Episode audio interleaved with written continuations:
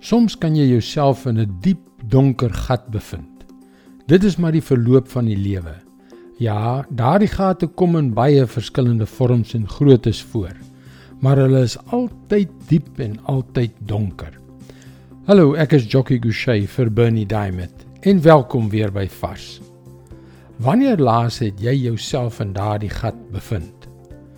Was dit as gevolg van jou eie dom besluit of dalk was dit as gevolg van omstandighede buite jou beheer in 'n wêreld wat net sommer onregverdig is?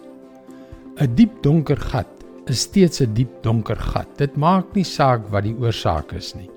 En dan kom mense met goeie bedoelings om vir jou te preek of om jouself te blameer. Maar wanneer een van God se kinders so voel, is God daar met 'n ander oplossing. 1 Konings 19 vers 5 en 6. Toe gaan hy lê en hy het daar onder die besembos aan die slaap geraak. Toe hy hom weer kom kry, skud 'n engel aan hom en sê: "Word wakker, eet." Toe hy opkyk, sien hy by sy kop roosterkoek wat op warm klippe gebak is en 'n kruik water. Hy het geëet en gedrink en weer gaan lê. Iemand het eendag gesê toe Elia met depressie gesukkel het, het God nie 'n engel gestuur om vir hom te preek en om hom te vertel om meer te bid of om hom te veroordeel oor hoe hy gevoel het nie. Hy het 'n engel gestuur om hom te troos terwyl hy gerus het.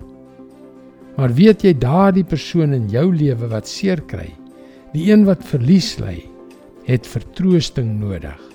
En daar sal tye in die nabye toekoms wees wanneer die engel wat God vir hulle stuur jy of ek is. Sommige mense moet net vertroos word. Dit is God se woord vars vir jou vandag. Om ander te troos is dikwels nie so maklik nie. Maar dit is deel daarvan om 'n oorwinning oor ons omstandighede en oor ons sonde te leef. Jy kan daagliks boodskappe soos hierdie per e-pos ontvang. Gaan na ons webwerf varsvandag.co.za en teken in. Hier by Vars, die Afrikaanse deel van Christianity Works, is ons passie om ontelbare lewens een vir een te sien verander terwyl ons die goeie nuus van Jesus deur middel van die media oor die hele wêreld versprei. Mooi loop. Tot môre.